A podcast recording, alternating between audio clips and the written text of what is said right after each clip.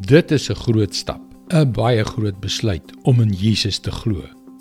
Om vir eens en vir altyd te aanvaar dat hy is wie hy sê hy is, dat hy gekom het om jou te red, dat hy vir jou 'n nuwe lewe kom gee het. Hallo, ek is Jockey Gouchee vir Bernie Diamond en welkom weer by Vars. En as jy daardie stap geneem het, dan het daar iets baie spesiaals gebeur. Iets wat ons te midde van die gewoel en gewerskap van die daaglikse lewe so maklik mis. Hier is dit. Johannes 1 vers 12 en 13.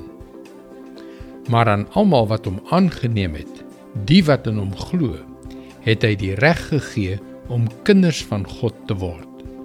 Hulle is dit nie van nature nie, nie deur die drang van 'n mens of die besluit van 'n man nie, maar hulle is uit God gebore.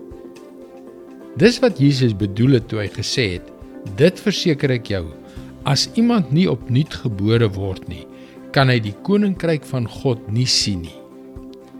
Wanneer jy Jesus aanneem, in hom glo en dit wat hy vir jou aan die kruis gedoen het, volkome aanvaar, naamlik dat hy die straf vir jou wandade wat jy verdien het, op hom geneem het, sodat jy deur God vergewe kan word.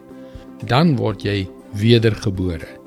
Nie op 'n menslike vlak nie, maar as 'n geskenk van God self. Stop net en dink daaraan. Jy het 'n kind van die lewende God geword.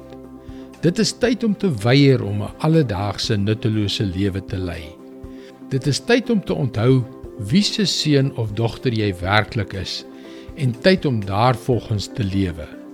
God wil magtige dinge in jou en deur jou doen want jy is sy kind.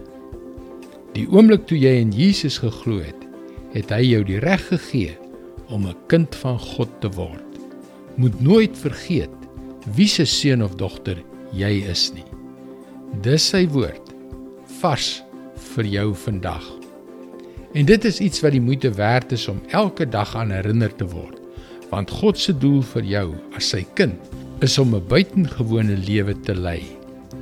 Indien jy na vorige vars boodskappe wil luister, hulle is ook almal op Potgooi beskikbaar. Soek vir Vars vandag op Google of op 'n Potgooi platform so Spotify. Luister weer môre op jou gunstelingstasie na nog 'n vars boodskap. Mooi loop. Tot môre.